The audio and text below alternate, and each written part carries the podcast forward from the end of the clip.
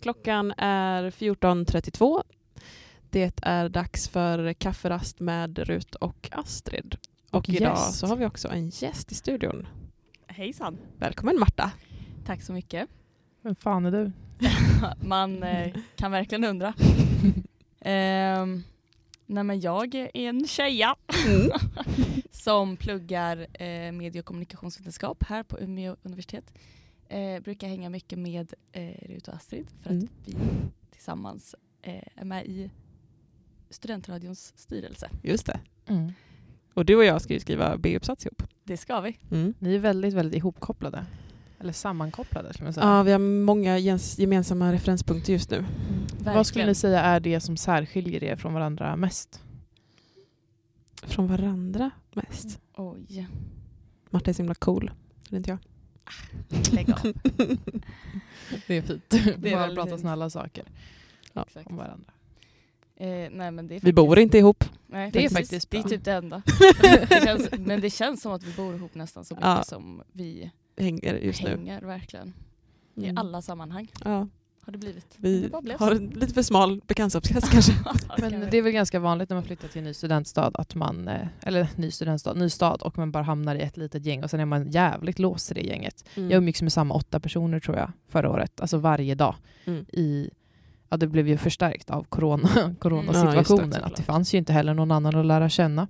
Eh, Det var ingen på campus, det var ingen på affär, men så fort, ja, men typ så fort alla började plugga lite nya grejer så kom det ändå en, en ny våg av nya individer. Med det sagt, det är inte som att man har skaffat ett, ett bredare gäng, men det är fortfarande samma gäng. Jag, när jag träffar en ny människa så visar det sig alltid att den känner någon som jag känner. Och så är det ändå, ja men typ som eh, jag och Astrid då, som också hade tydligen bekanta, fast du är nyinflyttad och Ja. den här bekantskapen vi då hade visade sig vara en ny bekantskap för oss båda, men vi lyckas bli bekanta med dem samtidigt. Alltså att det Ja. känns som att det blir lätt Det en lite liten värld. Ja. Ja. men tänk vad trevligt att vi fick stad. mötas. ja. Ja, eh, det är inte fredag. Nej, Hur jag skulle sjukt? säga det. Samma tid, samma kanal, men ny dag. Ja, och det Så beror torsdag. bara på mig. Eh, Mm. För att jag har börjat en ny kurs med seminarium varje fredag. Ja. Eh, jättekul. Jobbigt. Ja, Känner jag, alltså, det är ju lite segt det här med att ha saker liksom, i slutet av veckan. Men det kommer Mm. också vara väldigt skönt varje fredag när jag klockan tre har gjort liksom, veckans verk. Jag, Precis. jag kommer gå från Det blir ännu seminariet. mer fredag då Mm. liksom. Ja, men jag tror typ det. För jag gillade att vi avslutade veckan i studion. För det Mm. var som så här, ah, men nu slutar vi veckan, vi har gjort våran grej, man har läst sina texter, man har lämnat in allt man ska lämna in. Städar ur studion, torkar av kaffebryggan och sen är det helg. Och nu Mm. kommer det bli lite liknande, bara det att jag kommer ha pratat engelska i två timmar om och bråkat typ, med klasskamrater om politisk filosofi. Mycket taggad. Jag tror det kommer Mm. bli en jätterolig kurs. Vi hade ju kursintro igår, ifall ni är intresserade. Ja men berätta Ja, gärna. men jag berättar. Eh, vi hade ju då först och främst tentainlämning från vår förra delkurs tenta Samma dag. igår, onsdag den 23 klockan 23.59. Jag var smart och eh, välplanerad och Ja. eh, ja, jag lämnade in min vid lunch så att jag skulle hinna ha en liten paus på eftermiddagen. För sen började ju nästa delkurs med den första tre timmar långa föreläsningen. Detta är också den enda föreläsningen på hela kursen så man kan liksom inte missa den. Eh, som var mellan 15 och 18. Och det drog över och vi hade lätt kunnat sitta en halvtimme till för vi hann absolut inte prata om allting. Och solen gick ner utanför fönstret och alla var svettiga och trötta. Och min lärare sa alltså, tre gånger I'm sorry that this is so exhausting. I'm sorry that this is exhausting. We have to do this now. Man bara såg hur han mådde dåligt och våra vägnar. Hur eh, kan man bara ha en föreläsning på en hel kurs? Därför att det är filosofi och vi diskuterar saker. Jaha. Det är därför Så resten gillar... kommer vara seminarier liksom? Ja, eh, så att, ja, men imorgon till exempel har vi då ett seminarium eh, och då ska alla läsa en text och så kommer vi turas om att hålla små minipresentationer för varandra och diskutera textinnehållet. Alltså egentligen är det ett mycket bättre upplägg. För att annars blir det lätt att man går till en föreläsning och så berättar läraren det som står i boken och sen så får man ställa en fråga. Men med seminariet är det så, hej alla har läst boken, nu diskuterar vi innehållet. Det, Mm. det ger typ mer. Ja. Eh, och så får vi läsa källtexter, vilket är väldigt roligt. Istället för att läsa tolkningar så får man liksom bekanta sig med eh, materialet direkt. Eh, Mm. skitroligt. Alltså, jag Ja. tror det kommer jättekul. Tröskel för alla dock, det är på engelska. Mm. Eh, och läraren kan inte svenska, så det finns inga smitvägar eh, överhuvudtaget. Det är en väldigt speciell känsla att sitta sju, åtta personer då, ja men de här åtta som var de enda jag umgicks med förra året, Mm. och prata engelska med varandra när alla kan svenska. Mm. Bara, Hello, I'm very... Ja, men alltså det var så stelt igår. Eh, också väldigt stelt. Nu fortsätter jag bara berätta om min Ja. otroliga... Ni kommer få prata om någonting sen också. Eh, presentationsrunda skulle vi ha. Ja. För att det är en ny, ny lärare. Och, Ja. Ja, nu gör jag citationstecken här. Ny klass. Bara att Mm. alla vi känner varandra. Så han var så, ja ah, men vi kör en liten presentationsrunda. Ni, du kan ju börja och så kan du berätta typ, ah, vad heter du och eh, hur mycket erfarenhet och vad har du för kuns- förkunskaper liksom, om eh, politisk filosofi. Mhm. Och det är jag börjar och jag säger hej, jag heter Rut, fast då på engelska, kommer inte göra det igen. Eh, och jag har läst de här kurserna, precis som alla andra, för vi har gått i samma klass ett år, så vi har väl ungefär exakt samma grund. Och vi känner varandra ganska bra, så jag vet att ingen annan kan något mer, typ. Och han bara, ah, ja men då är det någon annan som vill tillägga något. Alla är tysta. Nej men då går vi vidare då. Så presentationsrundan var bara var jag som presenterade mig själv och hela klassen för läraren. Eh, och sen fortsatte vi. Eh, men det bara var. dödade hans moment helt, helt och hållet. Ja men det var väl tur det, för hade vi haft en presentationsrunda hade vi inte hunnit med innehållet. Nej, just det, ni drog Eh, över ändå. Ja, alltså jag har aldrig sprungit så snabbt från campus. Igår, Nej. vi slutade 18.03. Mm. Eh, 18.17 var jag inne i min kompis lägenhet nere på stan. Eh, och hon hade lagat mat till mig, tryckte den maten och innan klockan var 19 var vi på Lion Bar och hade tentaöl eftersom att ja, men tentan var inlämnad. Lite ska Mm. man ju fira innan den nya delkursen Ja. Absolut. gryr. Det var imponerande snabbt jobbat. Medan du då satt på den här föreläsningen så satt Mm. vi ju i solen på uteservering och drack Mm. öl. Det gjorde vi. Det var Bara det vi gjorde igår. Bara lite avis.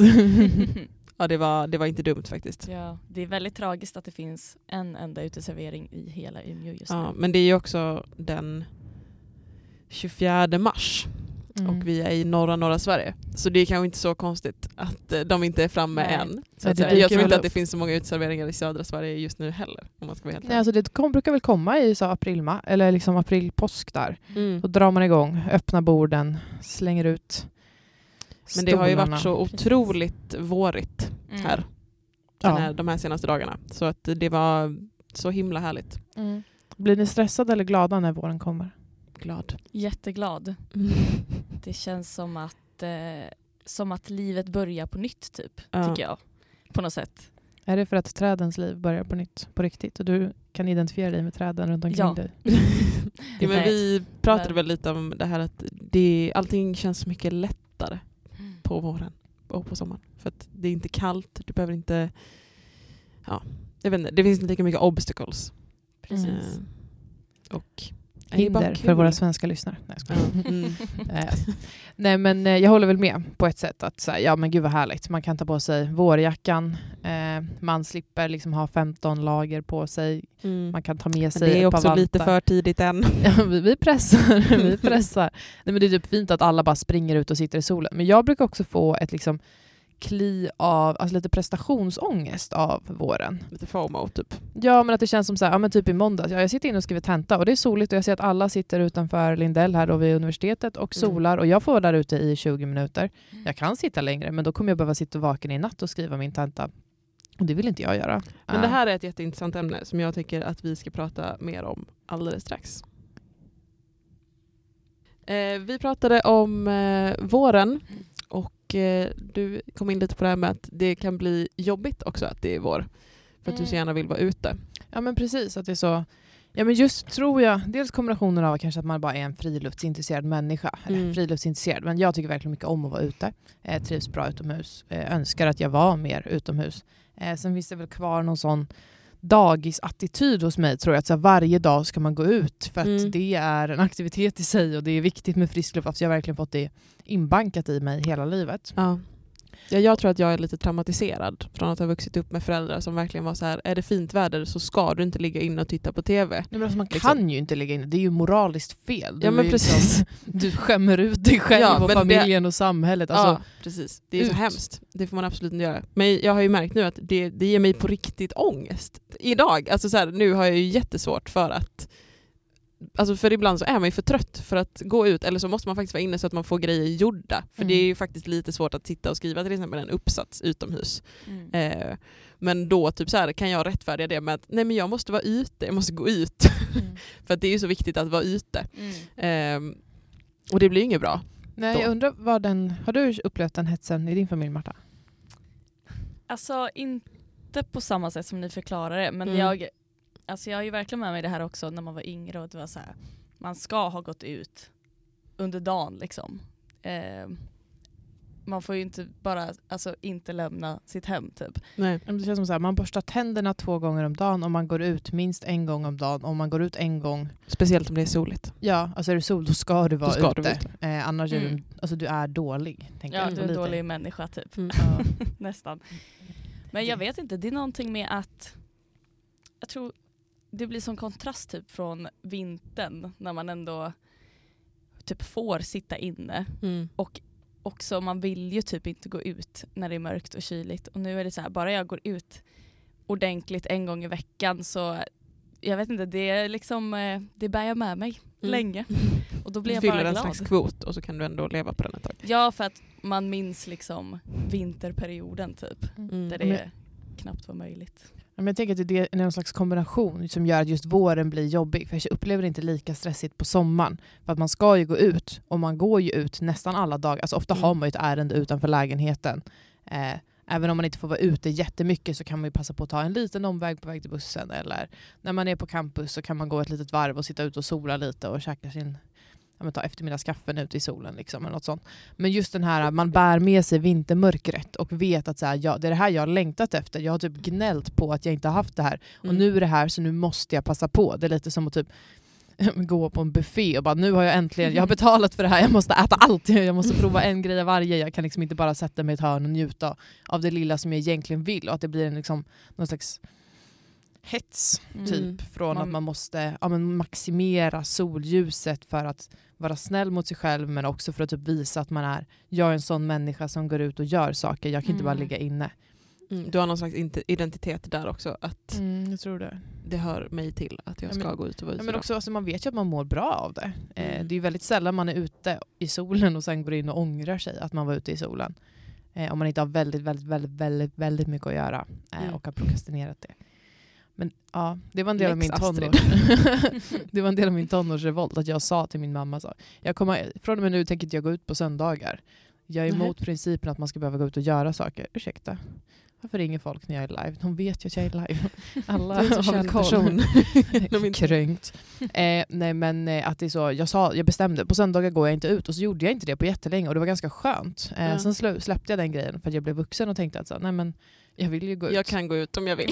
Ja men alltså jag tycker fan det, det är svårt. Jag har också hört en annan spaning om varför man tycker att det är jobbigt att gå ut. Jag vill höra om ni tror det här stämmer eller Mhm. inte. Eh, det är då att eh, ju äldre man blir desto jobbigare blir våren. För att när man kommer ut och ser hur världen blommar upp och blir vacker och bladen slår ut och ungdomen spirar och du, du, du, alltså hela den liksom, Mm. allt väcks på nytt igen. Och när man ser det och känner att man själv gör motsatt resa och eh, förfaller så usch. blir man ledsen och tänker på döden. Tror ni att det finns fog för den mörkt. här? Vad mörkt det blev. Mm. Ja, Eh, Mm. det är ju det torsdag. låter, det låter ju inget kul alls faktiskt. Ja, alltså vi disku- diskuterade ju eh, igår när vi var ute i vårsolen att våren är ju fertilitetens tid Just det. och att eh, allt föds på nytt och alla blir ihop. Mm. typ. eh, så det är väl någonting i det du säger liksom. Jag kan Alltså- absolut se framför mig att det blir jobbigt när Ja. man väl Mm. känner att man inte kan identifiera sig med resten av världen runt omkring. Exakt. Mm. Ja, för jag tänker då, Tack man känner sig inte där trött, än. trött och ledsen. Mm. Jag tänker att det kanske blir lite samma i och för sig nu som vi pratade om. Att man ska gå ut och man ska vara glad för nu är våren här och det är Mm. fertilt och trevligt och alla är brunst och vi ska bara springa ut på kosläpp och så. Woo! Exakt. Eh, att det då blir jobbigt när man känner nej men jag vill inte, jag vill ligga inne Mm. på soffan. Mm. Då blir man liksom ännu sämre för att på vintern är det mysigt att ligga inne på soffan men plötsligt blir det tecken på att man är lat och Ja, deprimerad. plötsligt blir det bara deppigt att man ligger hemma på soffan. Mm. Att man Mm. inte är ute och har kul istället. Ja, här blommar äppelträden och jag blommar inte upp, jag blommar ut. Jag vissnar i min vas här inne i vardagsrummet. Ja, det lät jättemörkt. Ja. Jag är taggad på våren här i alla fall. Ja. Jag ser fram emot alla gånger jag ska snubbla på grus. Ja. Verkligen. Mm. De har ju börjat sopa upp en del av gruset. Det är ju så kopiösa mängder grus som ligger överallt nu. vad gör de? Jag- Vart, ja, vart, jag vart tar gruset inte. vägen? Vart ska det ta vägen? Alltså det är så mycket, för det är ju det här att det har ju snöat i så många omgångar antar Mm. jag och det har fryst och så här. Så det är ju så många lager grus. Lager på lager. Ja, och nu har allting smält bort så alla vägar i Umeå är ju grusvägar Ja, just nu. för det är så så. himla mycket grus. Jag skulle typ vilja... Ja, jag ska de fan har- göra research på vart lägger de allt grus. För de kan ju Ja. inte slänga det, det måste ju återanvändas. Det måste ju vara Ja. samma grus som förra året som sopas ihop och Ja, placeras precis. på något läggs i de här lådorna igen. Liksom. Exakt. Ja. Men de har sopat bland annat utanför eh, universum. Mhm. Eh, har de sopat en bit. Och så har de sopat en bit precis här utanför längs med samhällsvetarhuset också märkte jag när jag var på väg in Jamen. i byggnaden. Mm. Jättetrevligt att få gå på fast asfalt. Ja, alltså det är verkligen, eh, det gav mig lite som vårpirr när Mm. Jag kände så att jag kan gå på asfalten och Ja. inte på en isfläck nu Ja, det är hela vägen till alltså. bussen typ. Ja, vad är liksom de största vårtecknen? Det är väl det är dammigt, så Mm. man får lite så kli i näsan. Det är lite pollen, så man får lite kli i näsan och i ögonen. Eh, det, det grusrasslar lite under Ja. fötterna för att allting har töt bort. Mm. Har vi några mer vårtecken? Det känns som det är olika i Jag olika tycker att det delar är av landet jätteskönt att se nu att få se gräs som har smält fram. Mm. Det tycker jag känns stort. Brunt gammalt. Ja, alltså det, det ser ju lera. ganska tråkigt ut Mm. men just nu så, så blir jag jätteglad av att se det för att jag får se att snön liksom har töat bort på riktigt. Ja. Sen har vi ju vår kära vän Evelina från Skellefteå som hela tiden som gärna vill lägga fram att det kommer komma 2-3 decimeter snö till Ja, alltså, innan sommaren. Mm. Hon tror Förr- inte att vi är klara. Förra året hade jag-. Nej. Nej, men det ska vi inte. Jag trodde det förra året och sen hade jag snöhög utanför mitt fönster, alltså till maj. Ja. Eh, Det tog jättelång tid. Men jag tycker Ja. man får väl bara njuta så mycket man kan nu. Dra på Ja, sig vårjackan, absolut. frysa lite i den som du säger. ja, jag höll på att frysa ihjäl i faktiskt. Det är Jag ju blev, också ett vårtecken när ja, man det är ser det. alla Vi de sa ju det. Det är ju den, människorna med jeansjacka liksom. ja, den obligatoriska ta fram vinterjack, eller vårjackan lite för tidigt och så fryser man röven av sig. Jag Precis. vill också skylla på att jag hittade då en jeansjacka på second hand och var lite hög på både, både det och att jag då och, och att det var fint väder. Den kombinationen gjorde mig, hade alldeles för mycket hybris. Men på tal om vårpirr så gjorde jag någonting igår som du sa till mig redan i höstas att det här kommer du få uppleva. Det här ska du, det här ska du längta till. Vad har jag sagt till dig? Då sa du att när du cyklar ner för svingen och känner våren, det är en underbar känsla. Ja. Och det gjorde jag igår. Och det var underbart, precis som du sa. Hade du musik på eller lyssnade du Nej, jag cyklade tillsammans vinande? med eh, min vän Alex. Så vi pratade och sa liksom till varandra, nu, nu känner vi den, nu känner vi den. Ja, det är faktiskt en otrolig. Eh, vänta bara till sommaren när du får cy- cykla ner för svingen igen. Nej, men det är någonting med att åka i den nedförsbacken och ha utsikten över hela, hela stan och så bara Mm. glider man fram. Där är de också ganska snabba på att eh, vad heter Ja, där är det sopa, inte grusigt. sopa bort grusen just för att Mm. hur ska du kunna cykla ner för gru- Mm. alltså, Ja, det är ju världens livsfarligaste. Ja men gud, det, det är ju livs... gud, det är halt alltså. det är en svårjobbad backe. Mm. Eh, även på vintern, alltså då är det halt och farligt. Jag åkte buss upp från, från stan i typ januari tror jag det var. Och bussen fick liksom åka så en meter och sen så bara fastnade den. Och sen så Ja. en meter, alltså jag tror vi tog typ på riktigt 25 minuter att ta sig från liksom Circle K där nere upp till Mm. universitetssjukhuset. För att det är, så, det är nog så jävla dålig lutning på den här Mm. backen. Eh, och jättedåligt väglag. Så att, ja. Det är bra att de vårdar cykelbanorna. Mm. Jag, jag måste skaffa en Ta en cykel. cykeltur allihopa Mm. och känn våren. Det är Och- vårt tips. Cykla till eh, universum och ta din covid-spruta. Det ska vi Dos prata tre. mer om alldeles strax.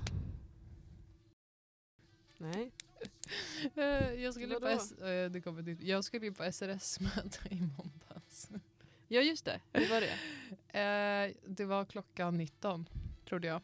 Ja.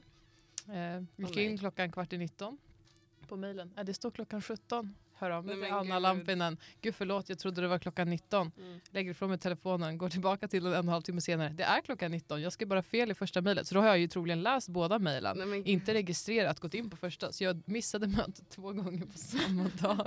Och hon sa du missade typ ingenting, allt kommer att tas upp i Falun igen. Ja. Eh, skaffa den här då appen, det är ingen fara. Men jag kände mig så dum som både missade det, hörde Ja. av mig, hade kunnat vara med, men missade när hon hörde av sig igen. För jag var så här hemligt lättad att jag hade missat den för jag var Ja. ganska trött och på dåligt humör. Jag hade skrivit Mm. tenta hela dagen och var så, ja men vad skönt, då behöver inte jag stressäta middag. Jag lägger ifrån mig telefonen Mm. och bara gör någonting annat. Eh, men så var det så himla pinsamt att jag hade skrivit till henne och sen ja, hon skickade länken. Bara, vi börjar nu, du kan vara med, här är länken. Och jag så en och en halv timme senare. Oj då, jag, jag missade visst igen. Kände mig, ja. Eh, föreningens pantad? Frågetecken. Det är någons mix som inte är uppdragen nu. Jag tror att det är Marta som är mutad. Nej, jag tror att alla är med. Är du med? Hallå, är jag Ja, med? Nej, Ja. jag, kollar, jag kollar upp och ner. Det här är Mm. varför du rattar Astrid. Och jag sitter här och killgissar att du gör fel.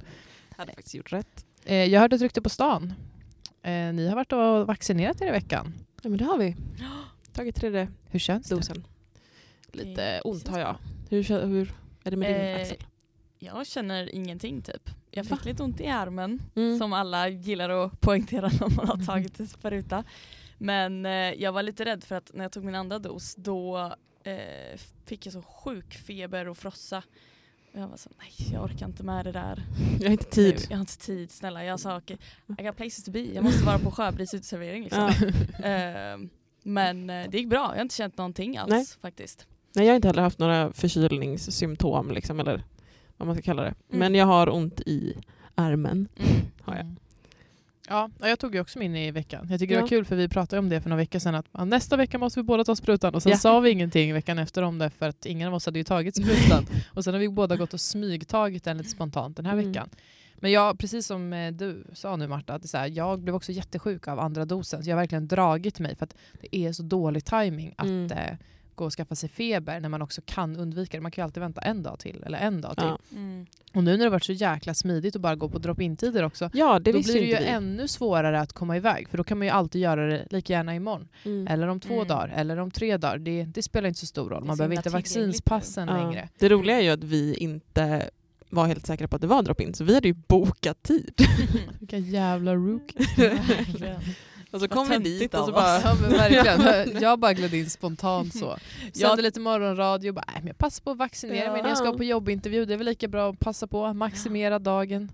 Jag vill inte plugga Ja. framförallt. Jag till och med ringde in till vårdcentralen. så tänkte jag. Men det var för att det stod att om man inte har eh, Ja, på 1177 så stod det ju inte drop-in. Då stod det ju att du skulle boka och du var inte... Jag har liksom inte haft kontakt med vården här uppe än. Nej. Mm. Så då stod det att jag var tvungen att ringa in. Så är de här standardfrågorna. Är du gravid? Ja, Är du det. allergisk? Sen fick vi svara på dem igen när vi kom Ja. dit. Mm. Så det var ju så himla värt. Ja, konstigt. Men ja, bra att vi gjort det i alla fall. Mm. För jag, eh, jag vet inte vad som motiverade er att göra det. Det var ju inte en rädsla för att bli sjuk som fick mig att gå dit, utan en rädsla för att jag ska stå där om ett år och ha skjutit på det. Och sen kommer den obligatoriska fjärde dosen och man måste erkänna att man fortfarande inte har tagit tredje. För det skulle vara så himla himla pinsamt. Mm, faktiskt.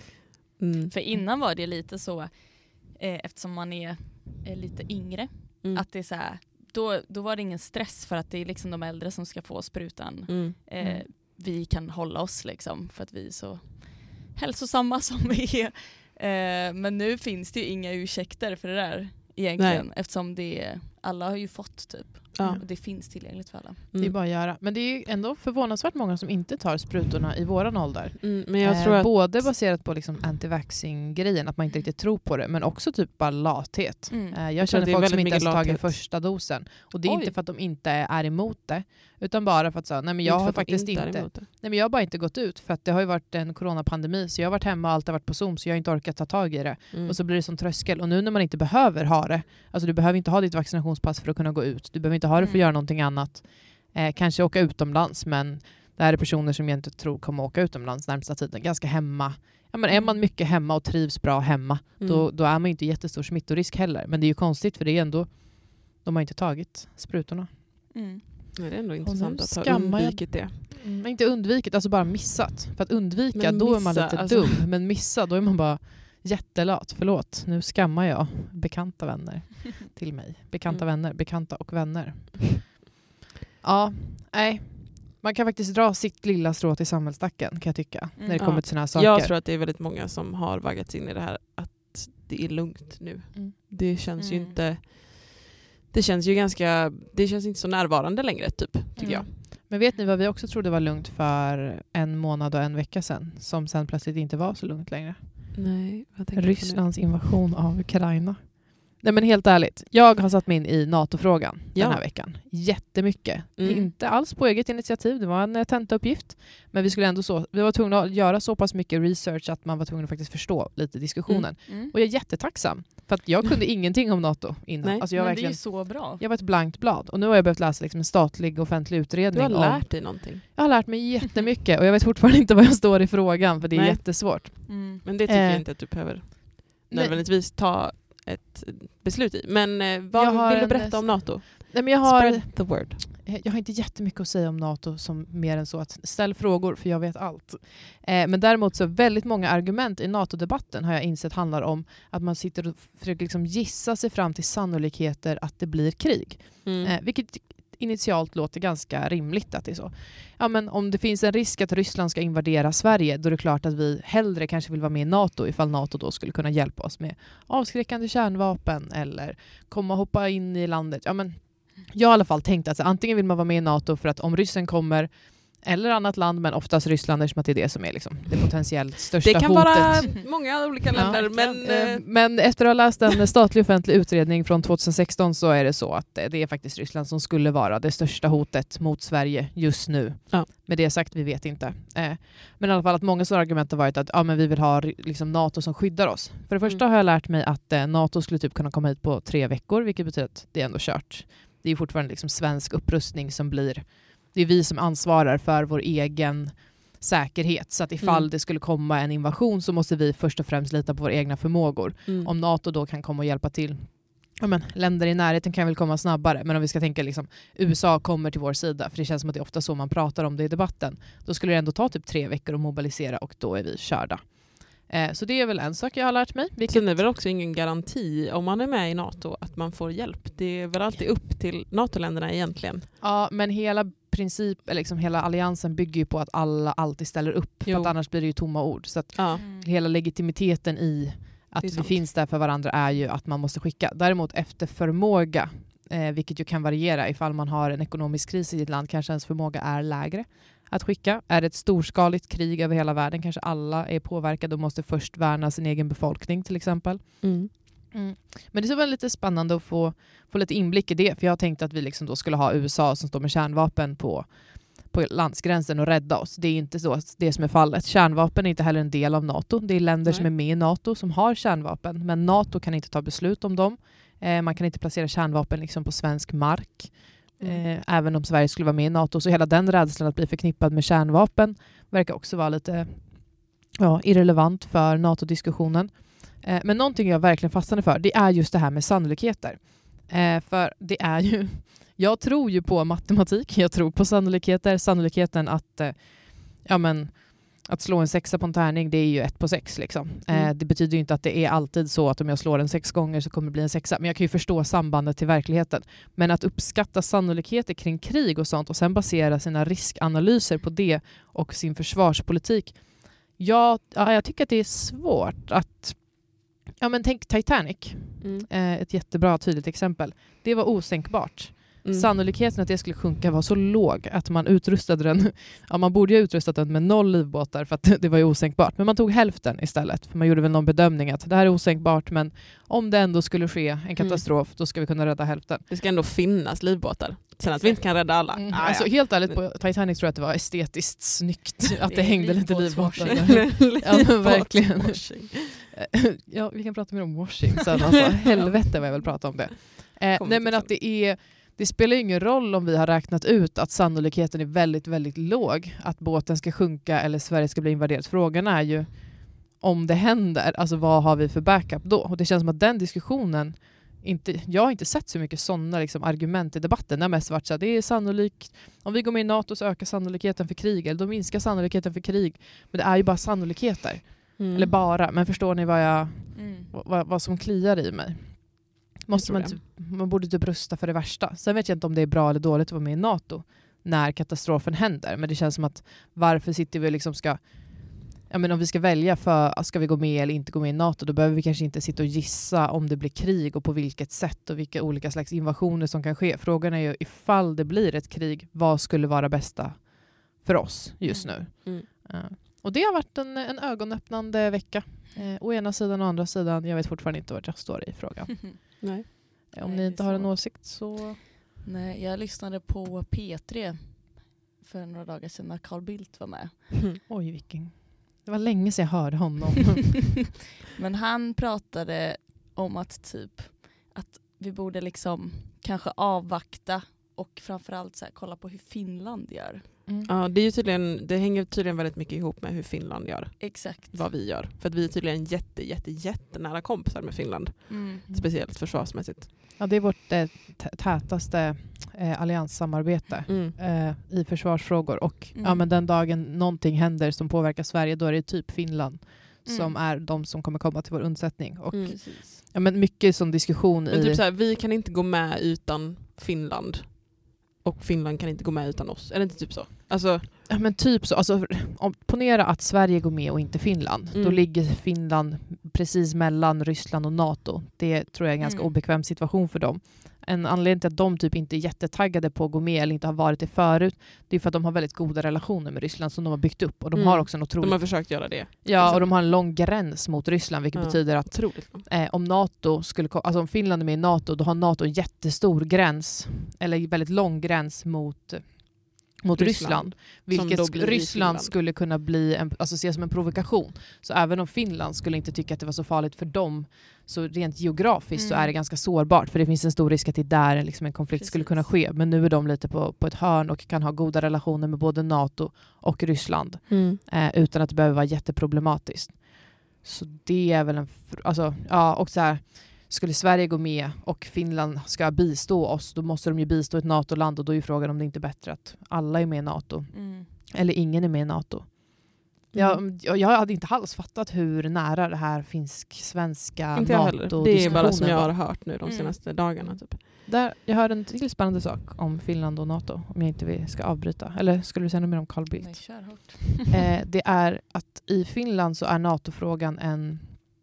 Den är inte så himla identitetspolitisk. Det är ingen Nej. fråga, alltså det är en sakfråga. Okay. Vad är bäst för landet? Är det att vara med i NATO eller inte vara med i NATO? Det handlar inte lika mycket om partipolitik eller hur jag ställer mig som humanitär person i världen. Men i Mm. Sverige är det en väldigt så traditionellt nu- höger-vänster-fråga. Det har ju Ja. börjat svänga opinionen men ja, men jag frågade typ som min mamma och hon var så, jag är emot. Och jag bara, ja, men varför då? Mm. Magkä alltså, magkänslan typ. Alltså, jag tror att det finns liksom någon sån kultur av att man inte vill ställa sig på, alltså på USAs sida Mhm. som lever kvar som en slags identitetsmarkör. Och jag läste i DN i morse att den distinktionen finns liksom inte i Finland. Eh, där kan du vara för eller emot men det handlar liksom om vad är taktiskt bäst för landet. Det handlar Ja. inte om Mm. vem jag är som individ. Men vad kan det bero på? Alltså, är det för att de kanske har mer närhet till kriget? På något sätt? Ja, de har ju varit i krig nyligare Ja, ja, nyligare. Mm. än vad vi har varit. Ja, vi har ju 200 år av eh, alliansfrihet. Quote on och, quote fred. eh, Ja, men vi har ju ändå någon slags, vi har ju någon alliansfrihetsprincip som är att vi ska vara neutrala i konflikter. Sen är vi ju inte helt neutrala, men så pass neutrala att vi ändå Nej, håller vi oss är inte utanför. neutrala längre. Vi är... Nej, vänta nu. Vad är det nu? Men Militärt allians- alliansfria. Precis, alltså vi ska inte Eller vara nej? bundna till någon sida, utan ifall det en konflikt uppstår så ska vi liksom välja sida lite. Eller inte välja sida, men vi ska kunna bistå på det sätt som vi vill och inte vara bundna. Ja. Det är ju därför Mm. vi, vi är inte med i NATO nu, för vi vill inte ha krav på att bistå ett annat land. Nej. Men vi är fortfarande i ett väldigt tä- tätt partnerskapsarbete Mm. med NATO, vilket gör att vi till och med får vara med och liksom Öva. ha åsikter i vissa liksom, grejer. Vi, vi har liksom inget veto, alltså vi kan inte säga någonting, men vi får liksom ändå sitta med och rådge i vissa sammanhang, inte alla Mm. sammanhang. Eh, vi får ju vara med på vissa övningar. Ifall en konflikt uppstår så kommer NATO troligen komma till vår undsättning. Det är väl också det som är så här, NATO blir typ en symbolfråga. För att, Ja, nu har det också kollar- blivit lite av en valfråga eftersom vi också har valår. alltså, Och så, Kristersson har gått ut och sagt att om Moderaterna vinner så Mm. kommer min regering att jobba för ett medlemskap. Mm. Och det är bara alltså, valkåthet. Jag önskar att det inte var ett val just nu. För att alltså, Kristersson, de har ju alltid velat gå med i NATO tror jag, Moderaterna. Eller länge i alla fall. De har inte drivit Ja, jätteaktivt. men Carl det, Bildt sa ju att på hans tid som statsminister så var det ju inte aktuellt. det var det inte. Nej. Gud, också bara den här Då grejen, att så här, man har den här tydliga bilden av att det är höger och vänster. Och sen Mm. så det vänt så himla himla fort. Ja, och jag vet inte hur, hur bra den... Alltså, det här är också inställningar som fanns innan vi var födda, så vi Mm. kan ju inte ha så himla bra koll på det Jag här. har så bra koll. Reincarnation. Som han lyfte fram det när han var med i P3 så pratade han ju om att då jobbade han ju för, eh, för relationer med Ryssland Mm. eh, istället. Liksom. Precis. Och att vi inte skulle vara med i NATO. Undrar om det var hade varit rimligt. bättre. Om vi hade samarbetat mer, släppt in Ryssland i Europagemenskapen. Istället Jag vet inte för om det hade hjälpt med Putin Nej. ändå faktiskt. Han är ju tydligen otroligt... Han blir anklagad för att vara irrationell, men egentligen är han inte irrationell. Han är ju jätterationell. Han verkar bara jättedålig målsättning. Mm. Eh, Man brukar prata om att så, en Är rationell han människa... jätterationell? Verkligen. Eh, nej men, okej, hans metoder kanske är rationell, alltså smygrationella. Då. Han kanske blir mer och mer irrationell, men han är ju inte dum i huvudet. Han har en otroligt stor propagandamaskin som pågår Mm. i hela landet. Det är inte Jo, som jo. att han bara är så Mm, jag ska trycka på den här knappen och se vad som händer. Och så hade han varit helt irrationell, då hade han börjat skjuta stjärn, kärnvapen. Stjärnvapen, det hade varit kul. Star, Star weapon. Nej men unicorn. Nej, jag vet inte. Nej, Men, men, eh, ja, då hade han väl bara börjat bomba. Men det gör han ju inte. Han har ju någon slags plan. Ja, för Mm. det är ju många typ på sociala medier som gärna vill säga att han är men, eh, psykiskt sjuk liksom. Mm. För att Mm. det är bara det som kan förklara de här handlingarna typ. Men så är väl egentligen inte fallet utan det är väl bara för att man verkligen ogillar hans agerande. Precis, han är inte Lite irrationell. både och tror jag att det kan vara. Mm. Ja, ja, men det är väl någon mix av lite irrationell och lite liksom, delusional kanske. Han har en annan Ja. bild. Men också att han har så otroligt andra mål. Alltså det vi tycker vore det logiska för honom att göra är inte det logiska för honom att göra. För vi Nej. tänker att Nej. vissa saker är viktigast av allt. Typ befolkningens säkerhet, eh, kunna handla med andra Medan länder. han vill återinrätta Storryssland. Och det är hans. Så enligt hans Mm. logik så kanske det är rationellt Ja, men det är det. Alltså, han är ju rationell men med fel mål. Alltså, kan, om mitt mål är att få ont i magen och äta en hel grushög, då är jag rationell om jag börjar med första gruskornet och sen tar andra och sen tredje. Ännu mer rationell om jag använder en sked, för då kan jag ta flera stycken samtidigt. Det är rationellt handlande. Frågan är om målsättningen är bra. Mm. Ganska dålig kanske, skulle man kunna tycka. Rysslands Ja. målsättning verkar ganska dålig. Men hur han väljer att agera på det. Men han är väl inte irrationell, men han är väl opolitlig. Det är väl framförallt det. Och det är Mm. därför vi också inte kan lita på sannolikheter. För att det är så här, uppenbarligen så är hans taktik att vara lite oväntad. Mm. Eh, och det stod även detta i utredningen. Nu låtsas som att, jag, som att jag vet massa. Helt ärligt, jag vet inte. Jag har inte ens läst alla kapitel. Men att Rysslands taktik är att de, kommer, de har jab and pause, kallas den. De petar lite och så pausar de och ser vad som händer. Och kan de peta mer så fortsätter de och kan de inte då, då backar de snällt undan och eh, kommer Mm. troligen hålla sig på sin kant. Sunny med Bonnie M. Spelar du den bara för att det är soligt? Det är inte soligt idag, du ljuger. Ja, nej, det, det, är- den är på shuffle, Ja. listan. Ja, det var en ren tillfällighet. Förlåt, jag kände mig kritiskt. Jag har Mm, fått eh, tittarbrev med kritik, lyssnarbrev om att man inte ska skamma inte vaccinerade vänner live. Nej, då får du sluta göra det. Ja, jag ber allra ödmjukast om ursäkt om jag har kränkt någon. Eh, Men om jag har kränkt er för att ni inte har vaccinerat er så gå och vaccinera er. Washing. Washing vill Jag tvättade på förmiddagen, det var tråkigt. Mig out, jag har fått, vad säger man, osökt vidare till nästa ämne. Jag brukar Ja. säga att det leder mig utsökt vidare till nästa ämne, men det är felanvändning har jag fått höra. Ja. Men jag tycker att det passar väldigt bra, för att det är ju utsökt vad bra den här övergången skedde. Jag pratade om det Ja. här och så utsökt ledde det mig vidare. För att man skulle säga osökt, för att man råkar trilla in på åh, vi pratar om att Rut tvättade på förmiddagen och nu kan vi prata om washing och eh, eran eh, B-uppsats. Mm. Men jag tycker att om man har planerat sin övergång väldigt väl, och jag ville verkligen snyggt leda in på nästa ämne, då är det ju inte osökt, då är det utsökt. Och eh, tidigare kritiker kan tystna. Pinkwashing. Ja, eller femwashing, eller greenwashing, eller det finns så många olika sätt att tvätta för. Ska vi ta begreppet från början? Vi har ju inte skrivit B-uppsatsen än, så vi har kanske inte definierat alla uttryck än. Men det är ju väl att företag liksom trycker på vissa en viss profil eller liksom lägger fram sig själva som feministiska eller miljövänliga trots att de egentligen kanske inte trots att de kanske har lite lite tveksamma Precis, det bakgrunder typ. det huvudämnet som de faktiskt brinner för utan det är väl lite att man kapitaliserar på feminism. Mm.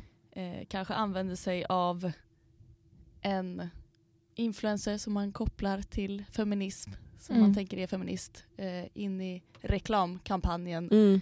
Eller att man liksom kopplar sin produkt till att så att det typ kommer fram som att du är feminist om du använder den här produkten. Typ lite som Oatly har kört med sin... eh, Eller skulle man, de kanske har gjort någon slags eh, miljövänlig washing. Men de Mm, har ju kört... greenwashing skulle man kunna Ja, kalla är det det. greenwashing? Mm. Eh, Okej, så att om man köper Oatly så stöttar man inte bara ett bra företag utan man blir också en bättre människa. Fast Mm. egentligen så är det inte så bra som man tror för att det är fortfarande en pappersförpackning och de har odlat massa, massa havre. Alltså man man liksom- också av någon kinesisk rikskapitalgrupp tror jag också nu för tiden. Ja men precis, det var väl ganska mycket storm om det där för några år sedan. Mm. Men begreppet är då alltså bara att man... Men varför heter det man, washing tvättar då? sitt, man tvättar sitt företag genom Precis. att... Eh, Men förklär man det inte? Borde det inte vara painting? Pink men painting. vi har inte valt ordet Nej men nu, nu frågar jag bara en fråga. Hade det inte varit passande för syftet? För att washing känns som att man städar upp någonting. Ja. Ja. Så då borde det vara så, pink washing är, eller femwashing, det är att man är otal, uttalat sig dåligt om kvinnor. Och sen måste man tvätta bort det misstaget med det här. Men nu Mm. försöker de väl bara liksom lägga på ytterligare Precis. lager. En Typ. fasad liksom. Mm, jo, det är väl rimligt. Det hade kunnat heta painting. Absolut. Mm. Min, eh, ni kan ju skriva den här uppsatsen och så kan jag skriva en kritik. It should be Du kan opponera painting. på den. Ja, ser fram emot det. Är ni taggade då? Vad ska ni skriva om? Vad är fokuset? Vad är det för washing? Eh, Ja. Fokuset är ju eh, företaget Estrid Mm. som gör Är du bekant? rakhyvlar. Jag är bekant med företaget Estrid och deras rakhyvlar. Har det är ju en själv. prenumerationstjänst. Du har en själv? Ja. Nej, jag har ingen själv. Nej. Eh, Men jag har köpt den till min lilla syster i present. Okej. Så att jag står som prenumerant på rakhyvlar som inte hamnar hemma hos mig. Mm. Nej men vi tyckte väl det var intressant just med deras koncept. Vilket är, eller de säljer ju liksom rakhyvelsprenumeration. Mm. Eh, men marknad, alltså marknadsför sig själva med väldigt så här din kropp, ditt Dina val. Alltså så här, du de får har raka väldigt... dig precis som du vill. Ja. Men du måste raka dig. Men här har du en Ganska ofta för här som kommer... Ja. återkommande. Mm. Liksom. Så det är väl det här lite dubbla vi ser i att, eh, att trycka på budskapet. Att vi är ett företag som tycker att du ska kunna välja själv om du vill raka dig. Men samtidigt så säljer vi rakhyvlar. Mm. Eh, och om man kollar på deras sociala kanaler, om man kollar på deras hemsida så vill de ju använda väldigt verkliga människor. Det är bilder på kroppsbehåring. Eh, vilket ju kanske vanligtvis inte... Och det är ju också en intressant aspekt också att annan rakhyvelsreklam inte innehåller kroppsbehåring för kvinnor ofta. Mm. Eh, det är ju också det är ju rätt så konstigt. Så det är Mm. kanske rimligt att de visar det nu. Eh, men det blir ju också, när man då också trycker på liksom, budskapet att det är så himla naturligt och det är så himla fint. Eh, du ska kunna ha kroppsbehåring om du vill det.